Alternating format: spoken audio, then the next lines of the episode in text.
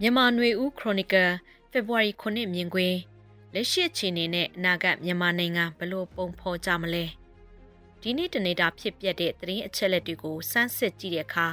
သတင်းအကြောင်းအရာအဖြစ်လက်နက်ကင်တက်အချင်းချင်းတိုက်ခိုက်မှုစိတ်တအားဖြင့်ရဝတ္ထုအားဖြင့်အထောက်ကူအားနည်းလာနေတဲ့စစ်ကောင်စီရဲ့တပ်ရင်းတွေကိုတိုင်းသားလက်နက်ကင်တပ်ဖွဲ့တွေကြီးတက်တက်သို့မဟုတ် အခြားပြည်တဲ့ပူးပေါင်းတပ်ဖွဲ့တွေနဲ့တိုက်ခိုက်သိမ်းယူဖို့အပြင်းထန်တိုက်ခိုက်နေကြတဲ့သတင်းအကြောင်းအရာအဲ့လိုတိုက်ပွဲဖြစ်ပွားနေတဲ့နေရာတွေနဲ့တိုက်ပွဲဖြစ်ပွားခြင်းမရှိဘဲတွန်လှန်လက်နက်ကင်အဖွဲ့တွေထိန်းချုပ်ထားတဲ့ကျေးရွာတွေကိုစစ်ကောင်စီဘက်က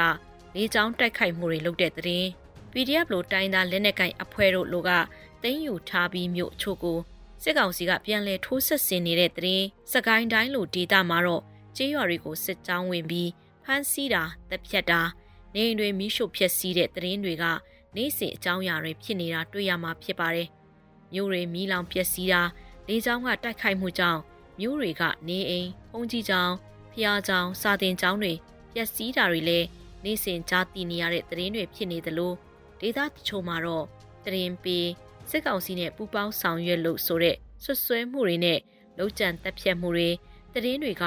ကြိုကြားကြိုကြားတွေ့နေရတာဖြစ်ပါတယ်။ရခိုင်ပြည်နယ်မှာတော့စစ်ကောင်စီရဲ့တပ်ရင်းတွေတစ်ခုပြီးတစ်ခုလက်လွတ်ဆုံးရှုံးနေတာဖြစ်ပြီးနေချားဆောင်စခန်းအချို့ပါလက်လွတ်ဆုံးရှုံးသွားရတဲ့အနေအထားဖြစ်ပါတယ်။ KNU နဲ့ PDF ပူးပေါင်းတပ်ဖွဲ့တွေကပဲခူးတိုင်းထန်းတပင်မြို့နယ်ဇရက်ကြီးကခြေလင်တက်ရင်တစ်ခုကိုတိုက်ခိုက်နေတာဖြစ်ပြီးတိုက်ပွဲပြင်းထန်စွာဖြစ်ပွားနေတဲ့သတင်းတွေပေါ်ထွက်နေတာဖတ်ရှုရပါတယ်။ကရင်ပြည်နယ်မှာတော့ ကော့ကရိတ်မြို့သိမ်းယူဖို့တိုက်ခိုက်နေတာနှစ်လကျော်ရှိလာပြီးမြို့ကိုအပြီးတိုင်းမသိမ်းယူနိုင်သေးတဲ့အနေအထားမျိုးဖြစ်တယ်လို့သတင်းတွေမှာဖော်ပြထားကြတာဖြစ်ပါတယ်။ဇန်နဝါရီ10 17ရက်တရုတ်နိုင်ငံမှာပြုလုပ်တဲ့ယာယီအပြည့်ရဲ့သဘောတူညီချက်နောက်ပိုင်းရှမ်းမြောက်ဒေသမှာတိုက်ပွဲတွေအတိုင်းအတာတစ်ခုထိအရှိန်ရက်တန့်သွားကအပြည့်ရဲ့သဘောတူညီမှုနဲ့အကျုံးမဝင်တဲ့ KIA လက်နက်ကင်အဖွဲ့အနေနဲ့နမ်ဖက်ကနဲ့ရှမ်းမြောက်ရဲ့နေနမိတ်အစုံ မန်ဝိန်းကြီးအနီးမန်စီမြို့နယ်ထဲကစစ်ကောင်စီလက်နက်ကင်စခန်းအချို့ကိုတင်ယူခဲ့တဲ့အဖြစ်အပျက်တွေကလက်တလုံးနောက်ခံအခြေအနေတွေဖြစ်ပါတယ်။တနိုင်ငံလုံးအတိုင်းအတာနဲ့ကြည့်ရင်စစ်ကောင်စီကမျိုးတွေတက်မှဌာနချုပ်ဒေသကွက်ကဲမှုစစ်ဌာနချုပ်စစ်ဒေသကွက်ကဲရေးစခန်းဌာနချုပ်တက်ရင်နဲ့မဟာဗျူဟာကျတဲ့နေရာတွေမှာဗျူဟာကုန်းစစ်စခန်းကုန်းတွေအရေးအတွက်အများပြားကြန့်ရှိနေစေလို့ဆိုရမှာဖြစ်ပါတယ်။ တစ်ဖက်မှာတော့စစ်စခန်းတွေအချင်းချင်းကြားတက်ရင်နဲ့တက်မှဌာနချုပ်ဒါကာဆစကခဆိုတဲ့စစ်စင်ရင်ဌာနချုပ်တွေကြားမြေပြင်ကနေဆက်သွယ်အားဖြည့်နိုင်တဲ့ဒေတာတွေရှိသလိုမဖြည့်နိုင်တဲ့ဒေတာတွေလည်းရှိနေတာဖြစ်ပါတယ်စစ်ကောင်စီတပ်တွေရဲ့အခြေအနေကိုခတ်လွယ်လွယ်သုံးသပ်ကြည့်ရင်ကျေပြန့်တဲ့နေမြေတွေအားလုံးကိုထိန်းချုပ်ထားနိုင်ဖို့တနေရာနဲ့တနေရာစစ်ကိုပို့အားဖြင့်ခုခံတိုက်ခိုက်နိုင်ဖို့မလွယ်ကူတဲ့အနေအထား အားပြော့တဲ့ခန့်စစ်အနေအထားရောက်နေတာဖြစ်ပြီးဘလို့ဒေတာတွေကိုတဖြည်းဖြည်းနဲ့ဆုတ်ခွာလက်လွတ်မလဲဆိုတဲ့စဉ်းစားမှုမရွေးလင်မဖြစ်တဲ့ရွေးချယ်မှုမျိုးနဲ့စစ်ကောင်စီရင်ဆိုင်နေရတဲ့အနေအထားမျိုးလို့ကောက်ချက်ချကြည့်နိုင်တာဖြစ်ပါတယ်။ရှမ်းမြောက်ကကိုကန်နဲ့ဝါကိုပိုင်အုပ်ချုပ်ခွင့်နဲ့တအန်းပလောင်နယ်တွေကိုလက်လွတ်ခဲ့ရတဲ့ဖြစ်စဉ်ကအထက်ကကောက်ချက်သုံးသက်ချက်ကို ထောက်ခံနေတဲ့သဘောတွေ့ရမှာဖြစ်ပါတယ်။အခုလက်ရှိရခိုင်ပြည်နယ်အနေအထားမှာလည်းအလားတူဖြစ်စဉ်မျိုးလမ်းကြောင်းမျိုးဖြစ်လာနေပြီးစစ်ကောင်စီအနေနဲ့ရခိုင်ပြည်နယ်ရဲ့ဘယ်နေရာဘယ်မြို့ကနေခုခံပြီးခန့်စစ်မြင်းကိုတတ်မှတ်မလဲဆိုတဲ့အနေအထားမျိုးဖြစ်ပါတယ်။ဥပမာအားဖြင့်တောင်ကုတ်တန်တွေအမြုပ်တို့လိုမျိုးကနေခန့်စစ်တွေအနေနဲ့တတ်မှတ်ပြီးဒီထက်အဆုံးရှုံးမခံဖို့ဆုံးဖြတ်ထားတာမျိုးလည်းဖြစ်ကောင်းဖြစ်နိုင်ပါတယ်။ အခုဖော်ပြခဲ့တာတွေကစစ်ရေးအခြေအနေတွေဖြစ်ပြီးစစ်ရေးအရာကောင်းစွာထိန်းချုပ်လိုက်နိုင်တဲ့ဒေသတွေမှာနိုင်ငံရေးအပိုင်းလို့ဆိုရမယ့်အုပ်ချုပ်ရေးတရားစီရင်ဥပဒေ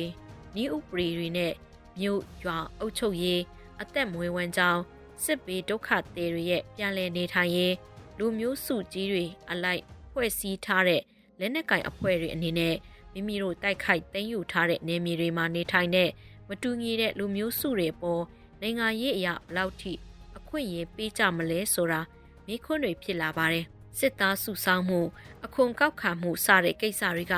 စစ်တိုက်သလိုအသက်ဆုံးရှုံးမှုမရှိပေမဲ့တစုနဲ့တစုသဘောထားချင်းမကိုက်ညီခဲ့ရင်မကျေနပ်မှုစန့်ကျင်မှုတွေစီဥတီစေနိုင်တဲ့အလားအလာမျိုးလည်းရှိနေကြတာသိချပါတယ်။ရှမ်းမြောက်ရဲ့အနာဂတ်ကိုဘလို့ပုံဖော်မလဲ